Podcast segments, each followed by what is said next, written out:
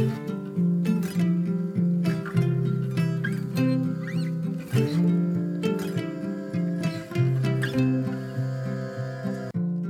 och välkommen till For Health med Anna Sparre.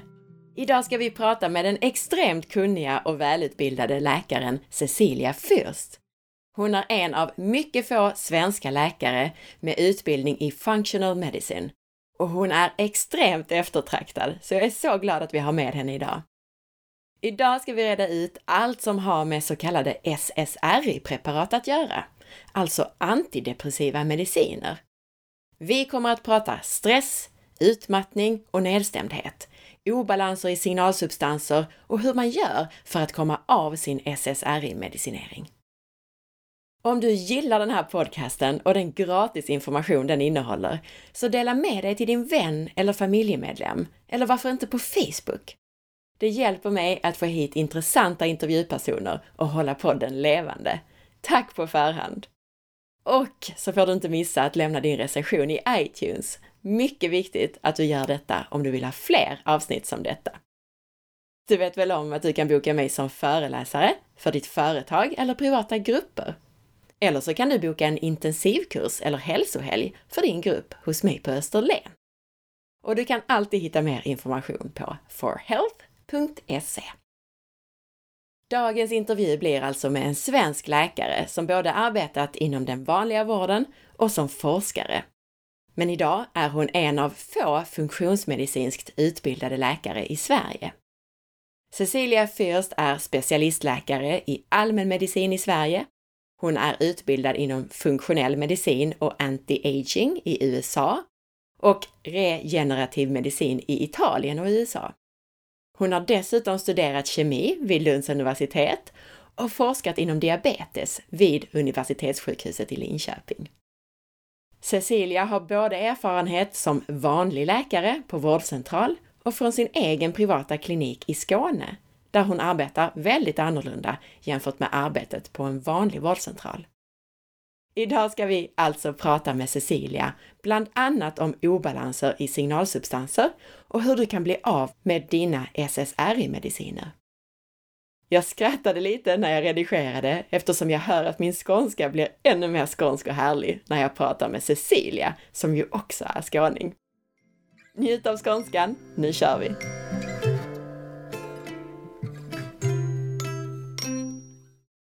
Hej Cecilia! Hej Anna! Så roligt att du är tillbaka. Tack så mycket, roligt att vara här igen. Det förra avsnittet med dig, avsnitt 54, det var i minst ett halvår det absolut populäraste avsnittet någonsin. Ja, roligt, ja. jätteroligt. Ja, vi gör ju ändå ett avsnitt varje vecka så det, ja, ja det är bra betyg. Kul, det är jätteroligt. Och lyssnarna har sett fram emot att ha dig tillbaka så det är jättekul att ja, vi äntligen fick till det. Spännande. Idag så ska vi prata antidepressiva, mm. så kallade SSRI-preparat. Mm. För det första, vad är SSRI för mm. någonting? SSRI-preparat är helt enkelt ett läkemedel eh, där man eh, påverkar eh, återupptaget av en signalsubstans som heter serotonin. Och vad som händer i hjärnan då det är helt enkelt att tillgången, tillgängligt serotonin, finns kvar längre i det som vi kallar för synapser så att det kan verka längre och kan binda fast oftare på receptorerna. Och på så sätt får man också mer effekt eh, utifrån serotoninet. Så att när man misstänker att en person har en eh, humörstörning, en, en depression eller ett eh, utmattningssyndrom eller en, en eh, oros eller ångesttillstånd när man tror att det är serotoninet som ligger bakom det så försöker man helt enkelt höja serotoninnivån och det gör man på ett konstgjort sätt. Eh, och det gör man med de här återupptagshämmarna och det är just det, det, det hämmar återupptaget av serotonin så serotoninet ligger kvar i de här synapserna längre. Så det är egentligen det det handlar om. Mm. Det är det man utnyttjar. För varje år som jag arbetar med klienter så tycker jag att fler och fler berättar för mig att de eh, äter SSRI-preparat. Mm. Och inte minst, du nämnde utmattning, alltså inte minst de som har stressat sig till en utmattning mm. får det. Mm. Och många av dem säger att ja, men jag är inte deprimerad men jag fick det ändå. Mm. Hur kommer det sig? Mm. Eh, jag tror det har lite med tidsandan att göra tyvärr. Att vi inte ger oss tid att eh, i en stressad vardag sätta oss ner och lyssna eh, på patienterna. Ehm, och inte bara ställa snabba diagnoser utan faktiskt försöka hitta en orsak till varför det har blivit så här. För att man har ett komplex av symptom som vi sen eh, diagnostiserar som till exempel en depression eller ett ångesttillstånd så ska man ha uppfyllt vissa kriterier. Men de kriterierna är ganska så vitt ställda och orsaken, bakomliggande orsaken till de här olika typerna av symptom kan vara så otroligt mångfacetterad och så otroligt individuell. Så att istället för att ta sig tid att ta reda på vad finns där bakom de här symptomen kan det vara så att det är en sköldkörtelproblematik. Kan det vara kosten som är dålig? Kan det vara att du har en livssituation som stressar dig så mycket så du får obalanser i signalsubstanserna i hjärnan? Kan det vara att du har en kronisk sjukdom, diabetes till exempel? Kan det vara att du står på mediciner som gör att dina signalsubstanser förändras? Eh, så att istället för att slänga ut de här läkemedlen utan att sätta sig ner i lugn och ro och tänka till lite mer. Eh, för det är det vi hade behövt göra och vi hade behövt få förutsättningarna att göra det. För att det är inte det att eh, SSRI-preparat är dåliga. Eh, men där finns ofta väldigt lite plan och planering många gånger på varför man sätter in dem, att man verkligen har tittat efter, finns det någon bakomliggande orsak till att det ser ut så här? Därför att den långsiktiga terapin är att återställa balans, inte att putta på människor SSRI-preparat. Och framförallt inte om de uttrycker att jag inte är deprimerad. Utan uttrycker man det, då måste man ta reda på varför finns inte orken där? Varför kan jag inte koncentrera mig? Varför har jag svårt att hålla mitt humör? Varför blir jag ledsen eller får oro och ångest? Hjärnan har inte brist på ett läkemedel. Hjärnan har obalanser i sina signalsubstanser. Det i sin tur ger symptomen. Så att man måste ta reda på det, man måste ge sig tid och lyssna. Eh, och det har tagit tid att hamna där i den situationen och då måste man också vara villig att hjälpa patienterna att veta och ta hjälp till exempel av näringsterapeuter. Gå igenom kosten, se till att man har vissa typer av byggstenar som behövs för att hjärnan ska fungera på ett adekvat sätt. Har du en mag-tarmkanal som inte fungerar? Ja, då har du också problem med näringsupptaget. Har du problem med näringsupptaget så får du problem med alla olika system i kroppen. Och det som är mest beroende av eh, en näringstillförsel och av de här mikronäringsämnena är hjärnan när den ska bilda sina signalsubstanser. Den har också den högsta energiomsättningen. Så att där i tror jag att vi har hamnat i den situationen vi befinner oss i idag. Att det är så lätt att skriva ut ett antidepressivum. Det är så lätt att, det är en överförskrivning till kvinnor framförallt. allt. att när kvinnor kommer upp i ja, slutet på 40-årsåldern, ja, eller under småbarnsåren också för den delen, så är livet stressigt och det är väldigt, väldigt lätt att hamna i situationer där du får störningar och obalanser i olika typer av signalsubstanser. Så istället för att åtgärda det så är det så lätt att bara slänga till dem ett antidepressivum som dessutom gör dem lite loja och halvnöjda och kan trampa på i och inte, det blir inte så mycket besvär helt enkelt. Eh, och det är en ganska märklig eh, inställning eh, tycker jag, att man inte funderar lite mer på och tar till andra resurser runt omkring som vi faktiskt har för att kunna hjälpa. Eh, som sagt, sen finns det de som har olika typer av genetik där man faktiskt behöver olika typer av eh, läkemedel för att eh, försöka balansera. Och då ligger det mer på receptornivå, det ligger mer på genetisk bas och då, då, kan det vara svårt att nå hela vägen om man inte går in och tittar på det här. Vi har inte de möjligheterna i svensk sjukvård att gå in och titta på det här. Det finns, men eh, vi har inte det systemet här än. Att titta på genetiken i den vanliga vården? Precis, titta mm. på genetiken och faktiskt titta på eh, metaboliter till signalsubstanserna, för det kan du göra. Mm. Eh, så att du kan få en ganska så bra hum om du, om du gör genetiska analyser och gör näringsanalys och tittar på markörer för signalsubstanserna i hjärnan, för det är det man får titta på markörer. Mm. Så kan du bilda en ganska snabb uppfattning om vad är det för personer jag har framför mig, vad är egentligen det stora bekymret här? Och sen åtgärdar naturligtvis orsaken till det. Och vi måste individualisera behandlingarna.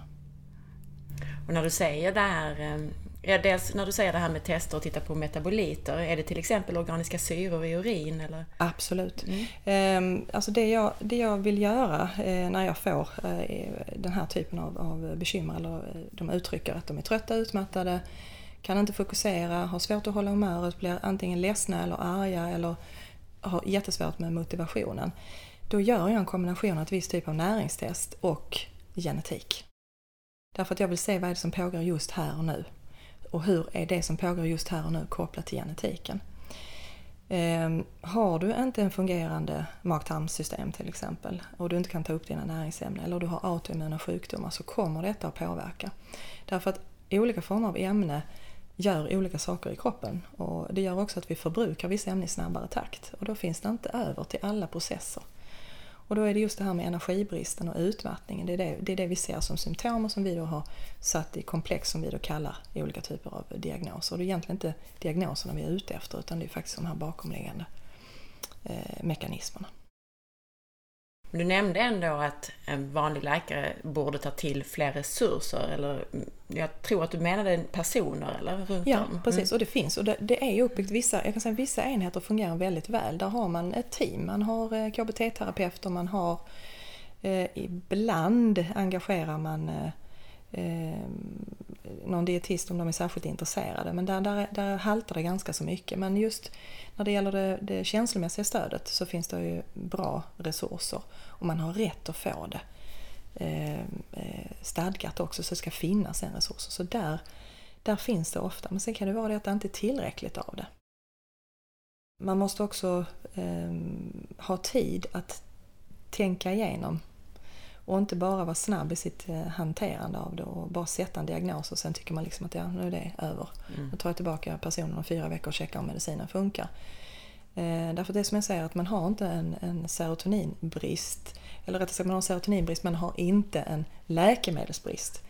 Utan den här obalansen kommer någonstans ifrån och då är det den vi borde fokusera på innan vi hanterar. Och nu har du beskrivit det här problemet med överförskrivningen. Mm. Men det är ju också så att det är inte bara det att det skrivs ut till höger och vänster utan det är också så att det aldrig tas bort. Eller mm. det är väldigt få som får hjälp att fasa ut det. Mm. Vad säger du om det? Mm. Ehm, jag kan säga att det finns ehm, eh, där, där kom en ganska stor eh, studie i New England Medicine, Journal Medicine eh, där man faktiskt tittade på effekten av ehm, de här SSRI-preparaten och långtidseffekterna av det. Och när man tittade i den studien så var det faktiskt bara hälften som blev hjälpta av eh, SSRI-preparaten. Ehm, och sen är det en annan ehm, eh, välrenommerad psykiatriker som eh, då är professor på Harvard som heter Joseph ehm, Clemonel som har tittat på just det här med långtidseffekterna och är väldigt tveksam eftersom vi faktiskt inte vet vad som händer över tid i hjärnan. Alltså hjärnan består ju inte bara av fem, sex signalsubstanser. Det är hundratals olika typer av signalsubstanser. Vi, vi har kartlagt ett par och vet på ett ungefär hur några av dem fungerar. Men vi vet inte vad som händer egentligen över tid om du står kvar på den här typen av eh, preparat över lång tid. Nu kom du in lite grann på det här med effekter och biverkningar. Men jag tänker just i fallen av utmattning, vad anser du om att skriva ut SSRI i sådana fall? Alltså när man har stressat sig till en utmattning? Eh, jag kan, nu hänger det naturligtvis lite från individ till individ. Man måste, man måste alltid titta på personen framför sig och se eh, finns det risk för eh, den här personens hälsa på så sätt att den kan vara skadlig mot sig själv. Det är alltid en bedömning man måste göra. Och det har vi bra mätinstrument för. Eh, och är det inte det utan man, man uttrycker helt enkelt att livet och situationen runt en är på sådant sätt som man inte orkar gå upp på dagen och man kan inte fokusera och tänka. Eh, då börjar jag alltid med att eh, dels göra en, eh, en livsstilsutvärdering och sen gör jag en kostutvärdering. Mm. Och sen gör jag vissa tester för att se så att det faktiskt inte är en direkt sjukdomsalstrande orsak bakom det. Och jag tar väldigt noga reda på vilka mediciner personen i fråga står på, om den står på några mediciner. Så att du måste göra en helhetsbedömning när du tittar på detta. Så att jag tycker inte att, det är inte det första jag gör om jag har en ren utmattningssyndrom eh, eh, framför mig utan då börjar vi att titta på de här tre eh, benen som jag pratar om. Livet, kosten, bakomliggande sjukdomsalstrande eh, orsaker. Finns det några tecken på lång, alltså biverkningar och, och lång, vad säger man, långtidseffekter av SSRI? För du sa ju det att man vet inte riktigt, men finns det några indikationer för några studier eller så? Ja, det finns det. det, finns det. Vi, när man började med SSRI och undersökte dem så eh, försökte man faktiskt först få det till ett viktreduktionsmedel. Mm. Därför att när man gjorde korttidsstudierna så hade man ofta en viktreduktion de första två, tre månaderna. Och sen däremot så såg man ett paradoxalt, det blev precis tvärtom. Mm. Eh, och då finns det naturligtvis forskning på detta och eh, man vet inte mekanismen fullt ut men man tror man påverkar eh, olika typer av mättnadscentra och förändrar signalsubstanserna avseende mättnadskänslor och likadant vad det är för typ av födoämne du blir intresserad av när du ändrar signalsubstanserna. Sen är det så att vi har ju i och med att det är en serotoninåterupptagshämmare, vi har ju det mesta serotonin produceras i mag-tarmkanalen. Eh, och det är också därför du får biverkningar från mag-tarmkanalen, därför att du hämmar ju även serotonin återupptaget i tarmarna. Och då vet vi att ändrar vi tarmrörelser och ändrar vi eh, mikrobiomet, ja, då ändrar vi också näringsämnena och näringssituationen. Och vi vet också att vi kommer få signalmolekyler som kan påverka hjärnan negativt i en sån situation. Så frågan är, det är alltid frågan om en balans. Eh, och då måste du också veta hur ser det ut och hur behåller jag stabiliteten i de här systemen. Om jag ska kunna hantera detta på ett eh, vettigt sätt. Det låter som att det är ett läkemedel som man kanske inte ska ta risken att skriva ut till, till var och varannan person utan när det verkligen behövs. Precis, man ska mm. göra ett noggrant övervägande. Mm. och det gäller alla mediciner. Man ska bedöma situationen och personen man har framför sig. Då är det bättre att eh, ta tillbaka dem eh, oftare och eh, som jag säger att göra en helhetsbedömning och utesluta, för det blir också en trygghet för patienten att veta nu har vi tittat på det här, vi har kunnat utesluta det här och det här. Eh, man ser till exempel att jag har en undermålig kost, jag kan inte få i mig mina näringsämnen eller jag har en mag-tarmkanal som inte riktigt fungerar som den ska. Det kan vara att du har en överkänslighetsreaktion mot födoämnen till exempel som triggar olika typer av inflammatoriska responser i kroppen. Det kan vara att du har en autoimmun sjukdom där du måste stå på vissa läkemedel som kommer att störa signalsubstanserna. Att ta alla de här aspekterna, väga in dem istället för att bara putta på alla SSRI-preparat så fort eh, man kommer in med en utmattning. Eh, och sen är det någonting som man inte heller pratar om och det är just det här med de hormonella svängningarna, framförallt hos kvinnor när de åldras. Eh, och hur stor betydelse det har för det psykiska välmåendet om du lägger stress ovanpå det. Därför att det finns ingenting som styr eller stör eh, eh, könshormonerna så mycket som stress. Eh, och har du då inte dem så har du heller inte skyddet av vad de här gör i hjärnan. För de agerar som ett skydd också. Och då, när du naturligt går ner i dina hormonnivåer ju äldre du blir, ju mindre skydd har du. Och då är det också jätte, jätteviktigt att lära sig hantera detta och eh, förstå också att kroppen går igenom andra förändringar som kommer att påverka detta. Och att det kanske är där problemet ligger. Och att det kanske är det vi ska titta på och försöka hjälpa de systemen. Mm. Och att det egentligen är som jag säger, det är inte en läkemedelsbrist utan det är en signalobalans. Det är obalans mellan små molekyler i hjärnan som har ett fantastiskt nätverk. Det är de vi är inne och puttar omkring och inte riktigt vet vad vi gör. Intressant att du tar upp det med könshormonerna. Vi har haft Mia Lundin som arbetar mycket med kvinnohälsa i podcasten och hon har pratat väldigt mycket om framförallt östrogenets koppling till serotonin mm. och mycket om mm. stress mm. och kopplingen till allt det här också. Mm. Så det... Eh, det här med cravings som blir väldigt vanligt ju äldre du blir, mm. Eh, det beror på noradrenalin. Så att har du brist på noradrenalin så får du cravings. Ehm, och det åtgärdar du genom att åtgärda kosten. Eh, om du till exempel väljer tryptofanrika födoämnen, så att du väljer kyckling och kalkon till exempel, avokado. Mm. Och så kopplar du det med någon lite snabbare kolhydrat som till exempel ris. Så får du upp tryptofanet och du kan bilda dina signalsubstanser på ett helt annat sätt och då balanserar du detta. Eh, och då kan du bilda de här signalsubstanserna för då bildar du dopamin och bildar du dopamin så bildar du noradrenalin. Sen kan du ta hjälp av eh, eh vissa typer av eh, kosttillskott för att liksom backa upp de här systemen när man hamnar i det här och man får, man får svårt att hantera de här cravingsen. Och då kan man använda två vanliga aminosyror, tyrosin och fenylalanin. Och du får bort cravingsen på mycket kort tid. Mm. Och det är fascinerande att se hur snabbt det kan gå. Mm. För det är väl så, tyrosin är byggsten till dopamin och eh, noradrenalin, mm. eller hur? Och tryptofan till serotonin. Mm. mm.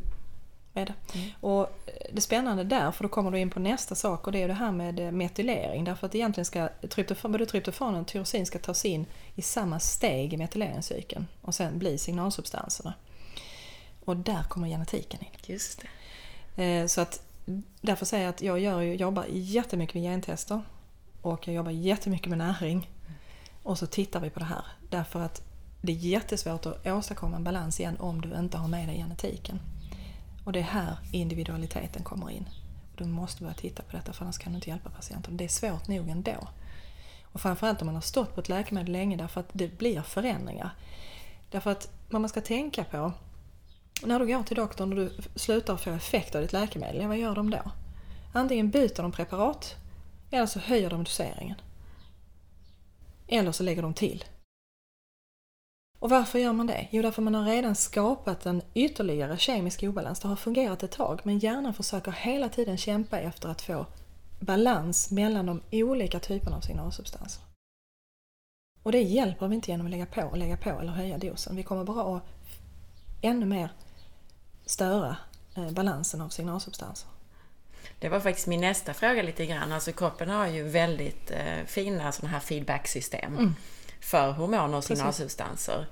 Och då tänkte jag det, om man då äter sådana här SSRI-preparat och har mer serotonin, borde inte kroppen få en signal då att producera mindre själv över mm. tid? Eller hur funkar det? Ja, det, är just det, man, vet inte exakt vad som händer men mm. man kan säga att alla feedbacksystem jobbar med att eh, bryta ner signalsubstanserna, ändra receptortätheten så att du får upp färre receptorer på ytan. Och vad man har kunnat se det är att det över tid blir färre receptorer för serotoninet och då spelar det inte någon sådär jättestor roll hur mycket som ligger och badar i de här eh, små synapserna. Därför att finns det inte receptorer som de här ämnena kan fästa in på så får du heller ingen effekt av det. Och då försöker man gärna pressa en annan del av systemet och då, då kan man välja att kombinera olika typer av läkemedel för att kanske pressa upp dopaminet och noradrenalinet för att få ytterligare effekt. Så sen är du inne i den här karusellen. Ett, en sak som man ska tänka på också med de här eh, SSRI-preparaten det är ju till exempel att du får problem med REM-sömnen. Och REM-sömnen är vår sömn som vi behöver för att återhämta systemet. Så där kommer sömnstörningarna in med eh, de här SSRI-preparaten. Och vad gör vi då? Jo, då skriver vi antingen ut bensodiazepiner eller något lugnande. Jaha, och vad gör de? Jo, de i sin tur påverkar också signalsubstanserna. Och då är vi inne i den här karusellen där faktiskt egentligen ingen har riktig kontroll på vad som händer. Och sen lägger du genetiken ovanpå det. Och sen har vi snart en riktig karusell som ingen vet hur de ska hantera. har jag tolkat dig rätt om att om du använder SSRI så är det väldigt kortsiktigt?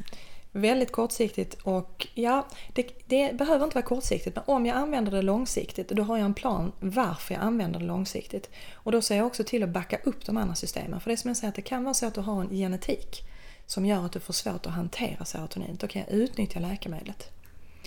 Men jag vill inte ha det ensamt eftersom det skjuter de andra signalsubstanserna. Och då jobbar jag jättemycket med något som kallas metyleringscyklerna. Och det styrs av ungefär det är fler enzymer så, men de viktiga nyckelenzymerna är runt 20 stycken. Eh, och då jobbar man med att se till att kroppen börjar kunna fungera och bilda de andra signalsubstanserna så mycket som möjligt på egen hand. Och då håller jag eh, läkemedlet på en väldigt, väldigt låg nivå. Ehm, och där är de som har stått så pass länge på det också så att det är svårt att få, få dem att fungera eh, utan. Mm. Så kan det vara. Men jag kan säga att flertalet kommer bort från läkemedel. Punkt slut. Mm. Så är det. Eh, därför att det är trots allt en mindre del av befolkningen som, som har en genetik som är, är lite olycklig när det gäller eh, just det här att man har lättare för att drabbas av eh, vissa typer av signalsubstansstörningar. Och de får man naturligtvis backa upp med läkemedel. Så det är jättebra att det finns. Men det ska användas till rätt personer. Och för rätt anledning. Det här som du beskrev med att kroppen nedreglerar och, och får färre receptorer för serotonin. Är det det som innebär att kroppen får en ökad tolerans? Precis, ja. det är det som är ökad tolerans. Som gäller för egentligen de flesta läkemedel och droger får man väl ändå säga. Så att, eh, Absolut, det, det är kroppens sätt att hantera och skydda och försvara sig. Ja. Eh, det är det. Och det är hela tiden därför att man har ett optimalt spann där, där cellerna jobbar inom. Så för mycket och för lite kommer att skjuta de här balanserna. Det är därför jag säger att du måste titta på individen, du måste veta om hur det ser ut hos just den här personen om du ska kunna hjälpa till att styra den här jätte, jättefina processen. utan att försöka orsaka så mycket obalanser. Det sägs att SSRI inte är beroendeframkallande eller vanebildande. Du skrattar redan. Jag tänkte bara med tanke på de symptom som man kan få när man slutar så undrar jag om det verkligen stämmer. Eh, nej, det, alltså vanebildande. Eh, det är ingenting som att du känner att du måste ha. Eh, det är det inte. Men vad som kan hända är att du kan få så mycket eh, symptom och biverkningar som gör att du hellre står kvar på läkemedlet.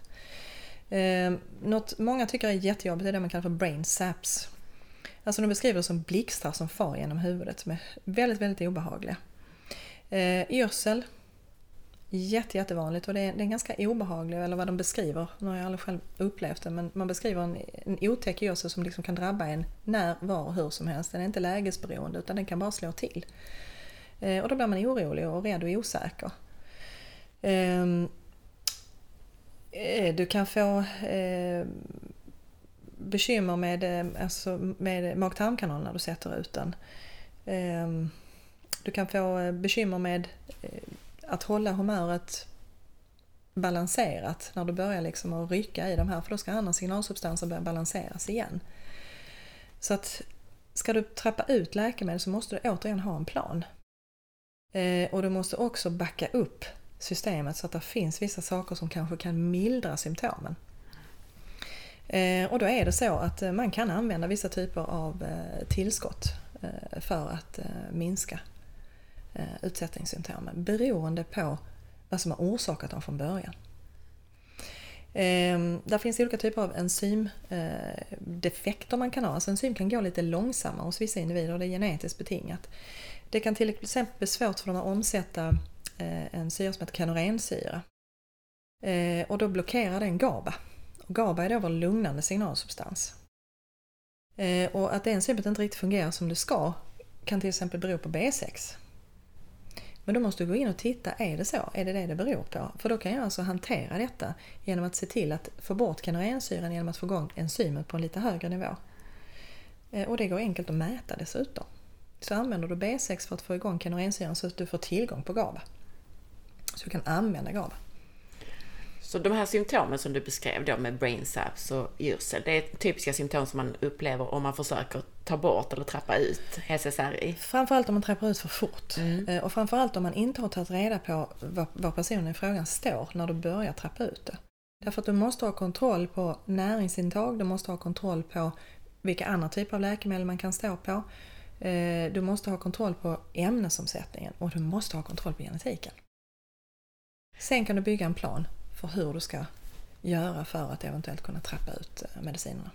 Men var det de här uttrappningssymptomen som du menar kunde bero på till exempel vitamin B6 och de här enzymerna? Eller var det något annat? Eh, det kan faktiskt vara så att det är orsaken från början, att man har hamnat där man har hamnat. Okay. Eh, kan det vara. Så att har du till exempel svårt att omsätta kenorensyra och det blockerar dina GABA-receptorer så kommer det över tid att driva på eh, att du har en obalans med noradrenalin, adrenalin och eh, även glutamat. Och alla de tre kan driva oros och ångesttillstånd. Är det en specifik gen eller snipp så att säga? Som, som, Tyvärr är det inte nej. det. Det hade varit underbart. Jag säger alltid det hade varit underbart men jag slapp titta på alla 30 olika sorterna som jag brukar sitta och titta på. Och det värsta är att det är en kombination. Men om man tittar på eh, genetiska varianter och känsligheten och, eller risken eh, att, att eh, eller ha en ökad risk att drabbas av eh, obalanser i signalsubstanserna så är det viss genetik som är kopplad till det, svarar jag. Mm. Ehm, och då, då, är det framförallt eh, två system man, man tittar på. Det är COMT-gener. Det finns flera olika men det är framförallt tre stycken COMT-gener eh, man tittar på och sen är det eh, A. Eh, och att man tittar på dem det är för att de enzymerna hanterar adrenalin, noradrenalin och dopamin. Eh, och det handlar om att bryta ner och omsätta signalsubstanserna. Och det är ofta de som har svårt att bryta ner och omsätta signalsubstanser som har en ökad risk eh, att hamna i olika typer av oros, ångest och eh, depressionstillstånd därför att signalsubstanserna svänger mer hos dem. Och de här svängningarna kan mycket väl bero på kosten. Och de är mer känsliga för det. Eh, och det är därför det är så himla intressant att diskutera detta därför att om du tar barn med eh, ADHD till exempel så är det inte sockret de är allergiska mot. Utan det är sockersvängningarna i blodet de är känsliga för. Så när de blir hypoglyk hypoglykemiska, så blodsockret ligger lågt, mm. det är då de blir som mest utåtagerande. Och det i sin tur har att göra med att då får de ännu mer obalans i signalsubstanserna i hjärnan. Så det är inte det att de inte tål socker på det sättet utan det är att de tål inte svängningarna i blodsockret. Just det. Och det är samma om du har en depression eller oros och ångesttillstånd. Du klarar inte av svängningarna för sockret kommer påverka hur och när och var receptorerna fungerar och vad du får in i hjärnan. Därför att kolhydraterna transporterar in näringsämnena till hjärnan. Och sen sockermolekylerna kan i sin tur, eller glukosen kan i sin tur påverka eh, hur snabbt du omsätter eh, signalsubstansen. Och alla vet ju, alla har ju testat att eh, dra i sig riktigt mycket socker och få en haj mm. en liten stund. Den var ungefär mm, en kvart, 20 minuter. Och sen har man säkert känt den här riktiga low också som kommer direkt efter. Det är det som är svängningarna och de svängningarna är olika personer olika känsliga för. Och det är likadant när man, eh, när man har det här med olika typer av depressionstillstånd. Det kan faktiskt, i, alltså bakom detta kan det då ligga dels enzymproblem, att, man inte, att de inte kan använda signalsubstanserna, bryta ner dem, omsätta dem på ett bra sätt. Och sen kan det då ovanpå det läggas olika typer av närings och eh, hälsotillstånd i övrigt som mm. kan påverka. Så det är en helhetsbedömning eh, av det. Och jag ska bara förtydliga det du sa där med blodsockret. Det är ju faktiskt så att ju snabbare det stiger, desto snabbare sjunker det också. Precis. Kroppen får ju lite panik och öser ut insulin för att sänka för det om det blir för högt. Ja. Precis, och det är hypoglykemin, alltså det är det låga blodsockret sen som, som eh, du får faktiskt bekymmer med. Och vad gör du då? Jo, då söker du gärna, alltså hjärnan vill ha något snabbt då och då blir det jättesvårt att välja bra saker därför då går du på det du vet instinktivt höjer blodsockret snabbt igen. Och då får du den här berg och dalbanan. Och när det kommer till yngre individer så det, har de ofta inte samma förståelse utan de bara vill ha en lättnad. Så det är inte konstigt att barn söker vissa typer av födoämnen. Jag vet inte hur ofta jag har suttit med, med barn där, där föräldrarna säger att ja, de vill bara äta pasta eh, och pommes frites. Jag kan inte få i dem någonting annat. Ja, och det är just det här, då vet man, då är det en dysreglering. Och då är det där man måste börja jobba. Och det gäller likadant med olika typer av eh, ångest, OS och depressionstillstånd. Mm. Det är alltså en signalsubstans i obalans som i sin tur du måste leta efter orsakerna till. Och många gånger är det stress, kost, relaterat livsstilssituation mm. Mm. som har triggat det. Mm. Och som sagt, även genetik eh, ovanpå det men eh, eh, där kommer man in på de här som, där man kanske har där man kanske måste använda eh, antidepressiv medicinering. Men mm. Eh, de är inte i majoritet. Och vi ska prata eh, mer om just genetiken och, mm. kopplingen, absolut. Men för att gå tillbaka till det här med de här uttrappningssymptomen. Mm. Brainsaps hörde jag någon berätta om att det kunde finnas en koppling till myelinet runt nerverna. Att det finns någon koppling mellan att SSRI skulle kunna bryta ner det. Är det någonting som du har hört om eller läst om? Eh, alltså jag har läst igenom en mängd olika typer av studier. Eh, har jag gjort. Eh, jag kan säga att om man tittar på eh, olika studier visar olika saker. Mm. nedbrytningen av myelinet tror jag snarare beror på att när du har depressiva symptom så har du ofta en pågående inflammation. Mm. och hjärnan är jättekänslig för vissa typer av eh, inflammatoriska ämnen. Eh, så att där tror jag kopplingen till myelinet är. Okay. Så inte själva SSRI? Inte själva SSRI-preparatet utan mm. där tror jag faktiskt att det är helt enkelt på receptornivå. Eh, så att du får alltså en, en felsignalering Eh, därför att de här receptorerna kan ha påverkat så mycket av att du har laborerat med mängden av serotonin. Eh, så jag tror att de kan vara över eh, irriterade kan man säga så att de hela tiden ligger och fyrar och signalerar. Och tittar man på studier så är det, talar det mer för det. Att det faktiskt blir en fel eh, signal som går iväg väldigt, väldigt fort.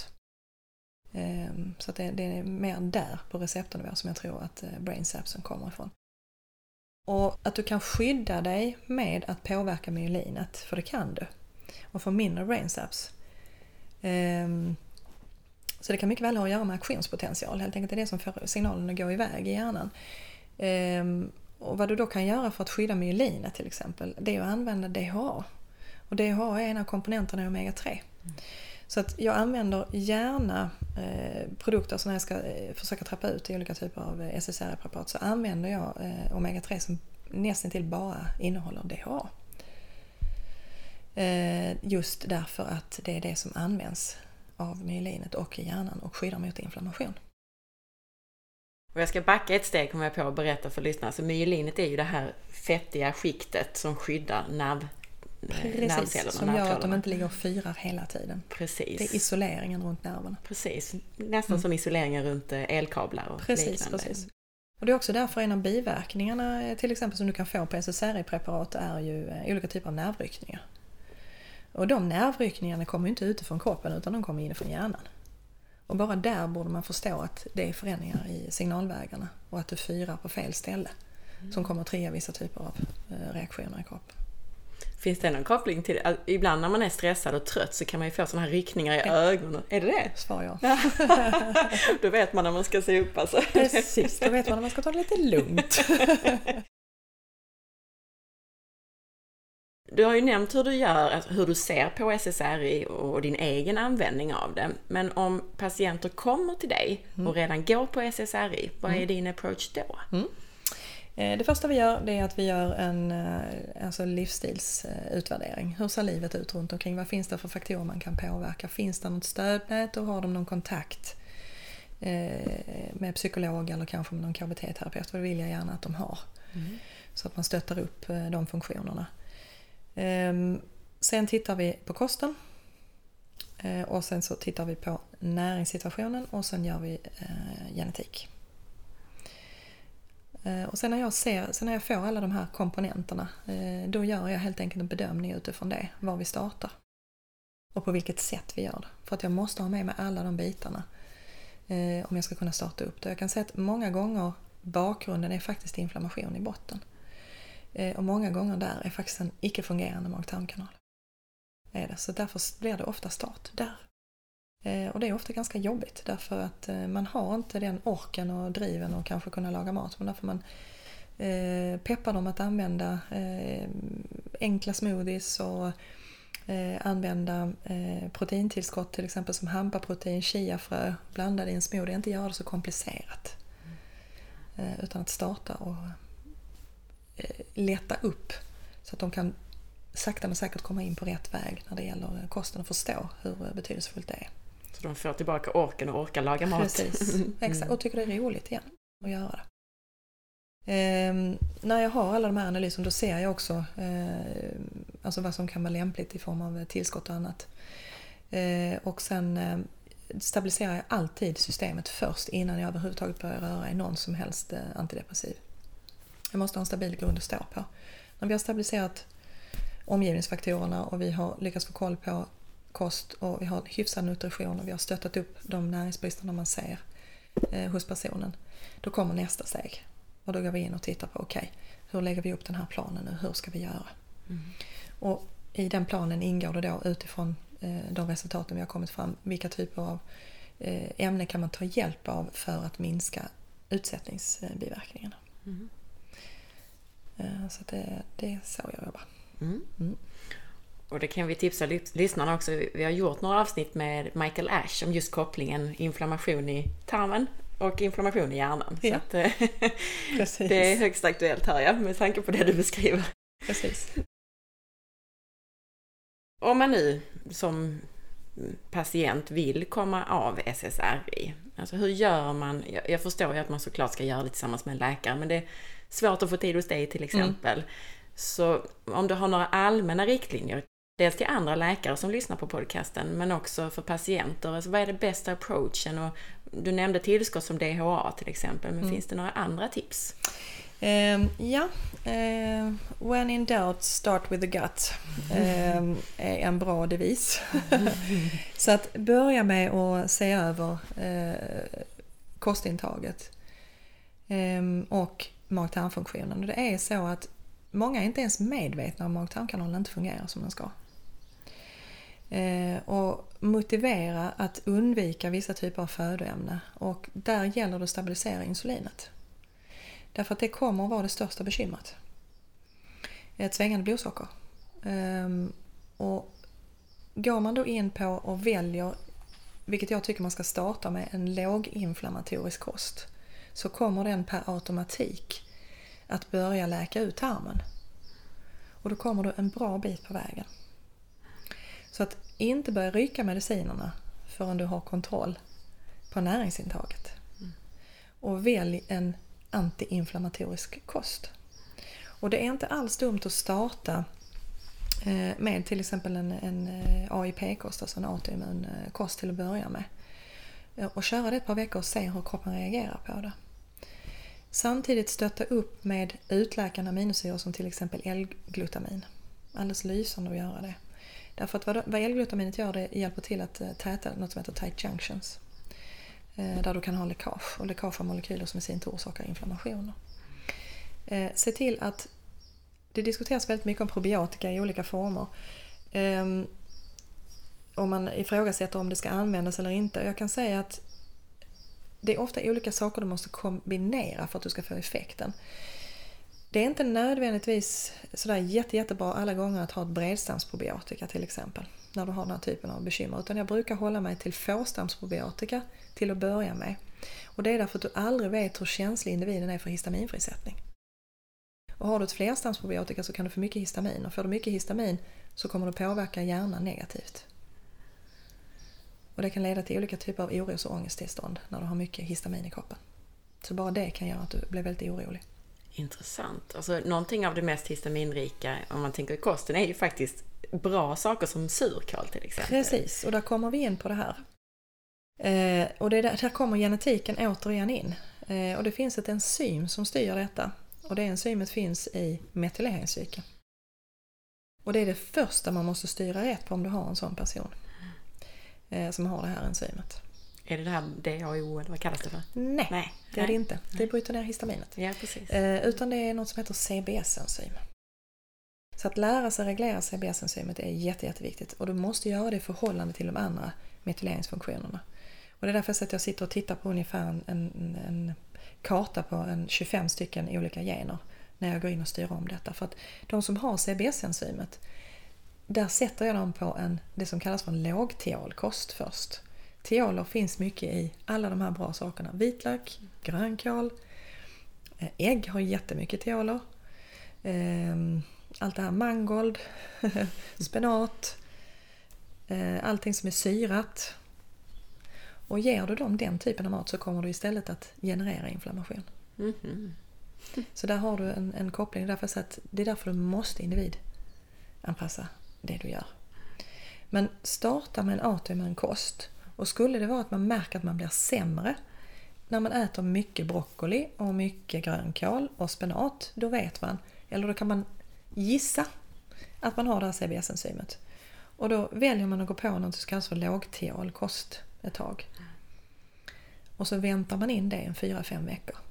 Och sen kan du börja saxa in de här födoämnena igen och då äter du dem varannan var tredje dag. För det klarar ofta det här CBS-enzymet av. Då har du ställt om det också. Och då börjar tarmarna att ändra sig och läka ut och du får framförallt en annan tarmflora. Därför att det är jätteviktigt när du har olika typer av depressionstillstånd att du ser till att få upp dina B-vitaminer. Och vissa typer av mikrotarmflora är det som hanterar våra B-vitaminer. Så får vi då inte rätt på tarmfloran så får vi heller inte rätt på upptaget av B-vitaminer. Mm. När du säger hantera, alltså en del bakterier tarmen producerar ju till och med B-vitaminer. Precis, mm. och de är till där för att i ett samspel med oss eh, göra så att vi faktiskt kan överleva och ta upp vissa näringsämnen. Mm. Så de finns där i symbios med oss. De, vi kan inte leva utan dem, helt enkelt. Så för att försöka förenkla detta lite mm. så man börjar, innan man börjar trappa ut överhuvudtaget så börjar man med kosten. Precis. Och en antiinflammatorisk kost, gärna en AIP men åtminstone då, du sa ta bort, i förra avsnittet så nämnde du ju då gluten, alltså spannmål, mjölkprodukter, socker. Yes. Mer grönsaker då antar jag? Kvalitativt protein. Precis. Mm fetter Exakt. som omega-3. Ja, mm. och när man väljer protein, välj då sånt som man, vi vet eh, har eh, en, en, positiv påverkan på, alltså som innehåller mycket tryptofan. Eh, och det är till exempel det är kyckling och det är kalkon och det är avokado för att nämna tre. Mm. Jättebra produkter. Och det lustiga här är att man får lov att använda lite kolhydrater. Eh, får man så känner man att AIP-kosten är lite för hård för det är, ganska svårt att få i sig snabba kolhydrater eftersom de utesluter eh, ris och annat. Um, och då kan, det, kan man faktiskt tillåta sig lite ris tillsammans med kycklingen för då får du upp eh, tryptofan och då transporteras det med sockret in i hjärnan. Just det, precis. Man behöver lite insulin för att få ja, in precis. tryptofan i hjärnan. Det är det du precis. behöver. Så att därför får du lov att ha den kombinationen. Dessutom en bra kombination. Men det är alltid det mängd naturligtvis. Eh, så att det kan du styra då. Så att välja den typen av eh, eh, kött eller avokado till exempel som innehåller tryptofan. Tryptofanrika födoämnen med lite, lite kolhydrater. Så puttar du in det i systemet och då stiger dopamin och då stiger noradrenalin. Och då kämpar du helt plötsligt känna att du mår bättre. Mm. Och du börjar kunna fokusera.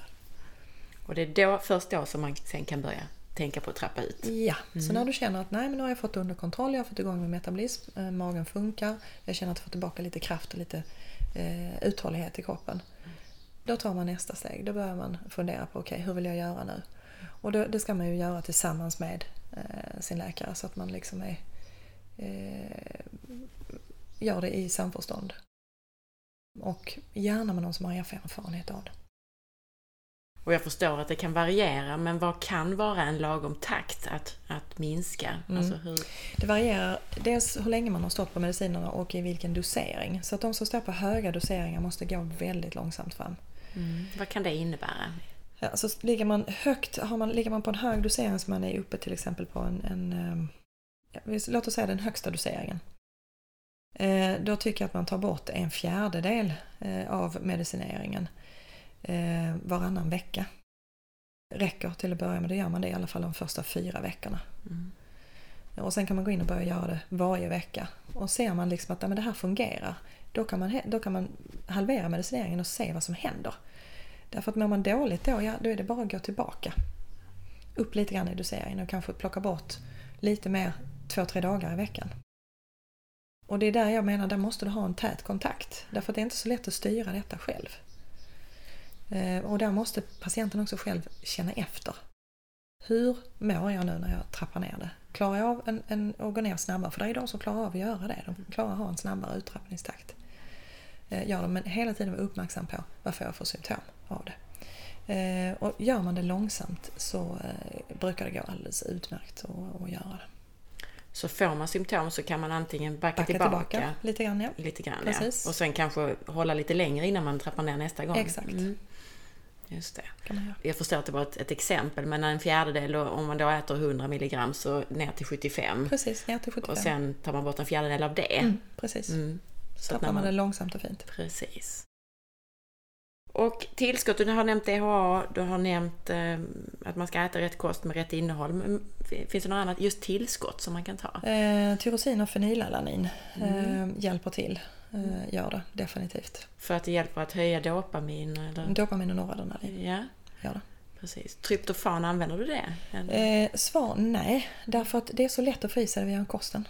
Eh, och jag tillhör ju de som vill att man ska lära sig äta på det sättet därför att det är det som kommer att hålla dig ifrån den här typen av bekymmer. Så tryptofanet just brukar jag inte uppleva är något bekymmer utan vet, eh, personen frågar bara vilka typer av födoämnen jag vill att de ska äta. Att de är tryptofanrika. Eh, så brukar det faktiskt räcka. Mm. Var finns annars tyrosin och fenylalanin? Eh, alltså det bildas ju. Tyrosinet eh, finns ju också i andra typer av föda. Det finns i, samma som du har eh, tryptofanet eh, i.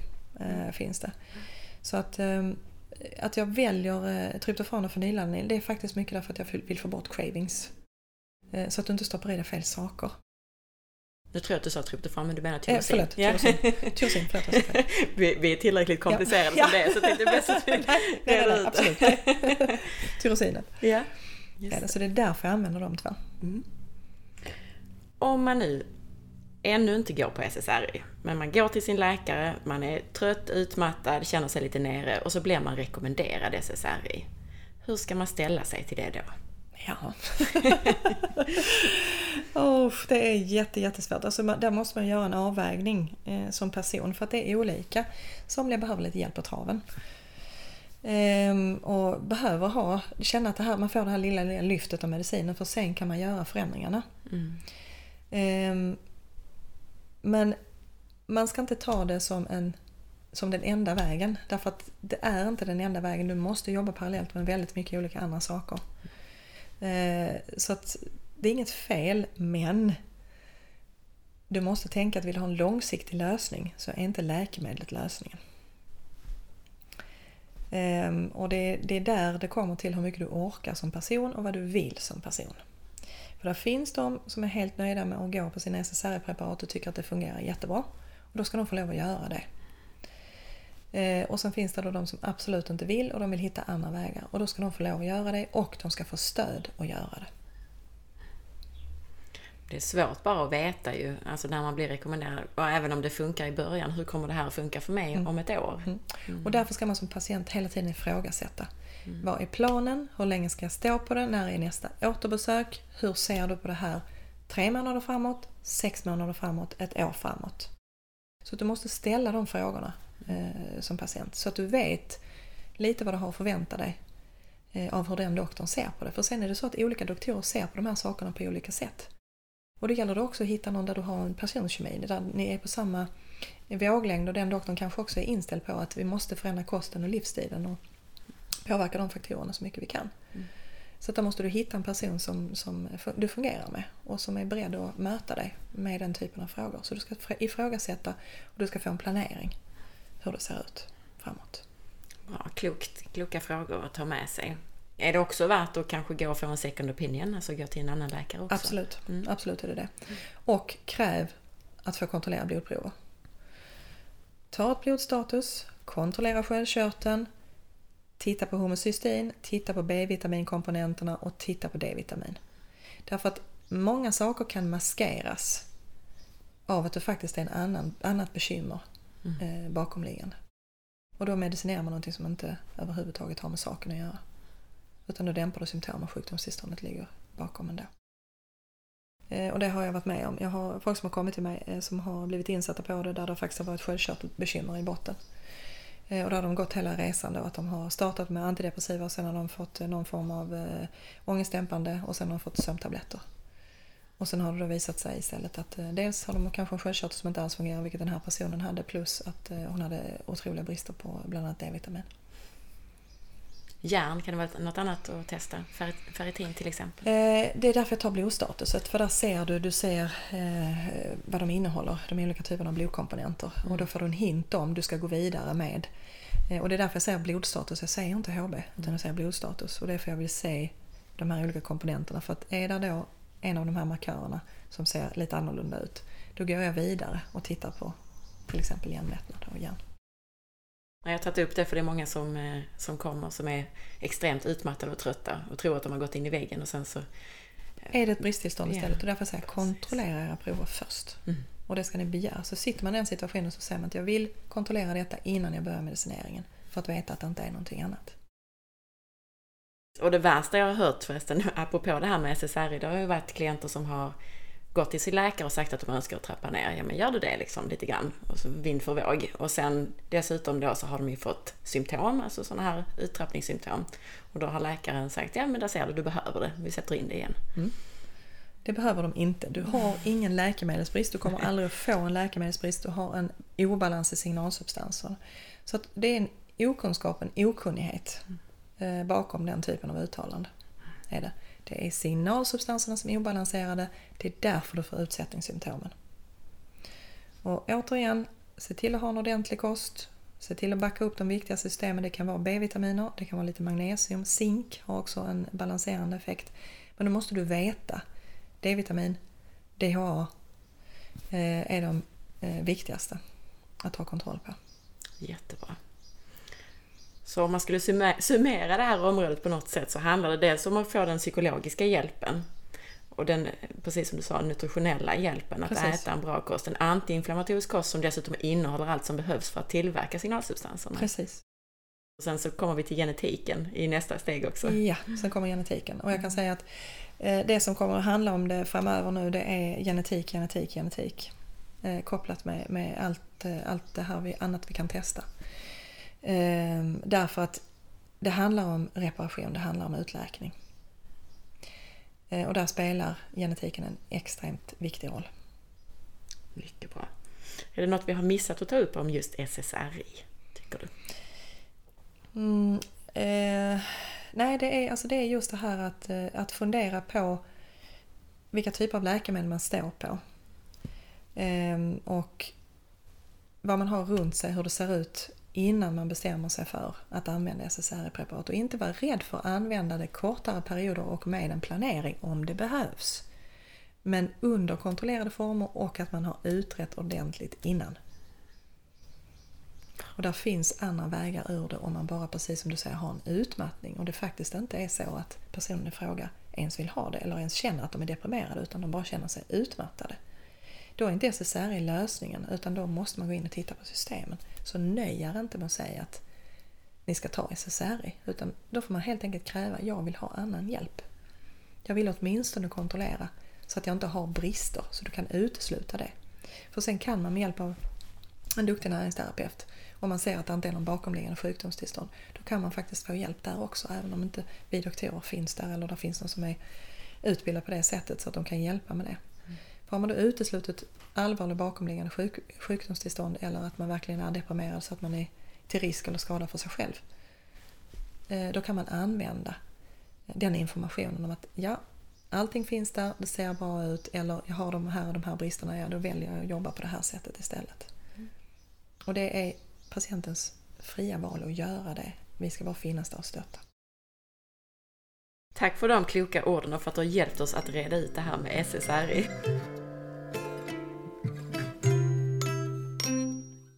Jag hoppas att du uppskattade den här intervjun lika mycket som jag. Om du gjorde det, så gå till facebook.com forhealth.se och dela avsnittsinformationen. Dela den gärna i dina Facebookgrupper om du tror att någon kan ha hjälp av den.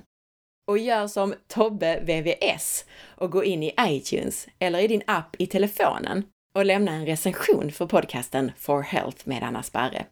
Tänk på att du måste söka fram podden med sökfunktionen för att kunna lämna recensioner, även om du redan prenumererar på den. Tobbe VVS skriver i iTunes. Bottenlös kunskapsbrunn Anna gör ett hästjobb med podden. Här finns allt man behöver veta och behöver ta del av. Fantastiskt informativt. Rekommenderas verkligen. Bra jobbat! Tusen tack för detta! Missa inte att följa med på Instagram via asparre. Tack för att du lyssnade och ha en underbar dag så hörs vi snart igen. Hej då!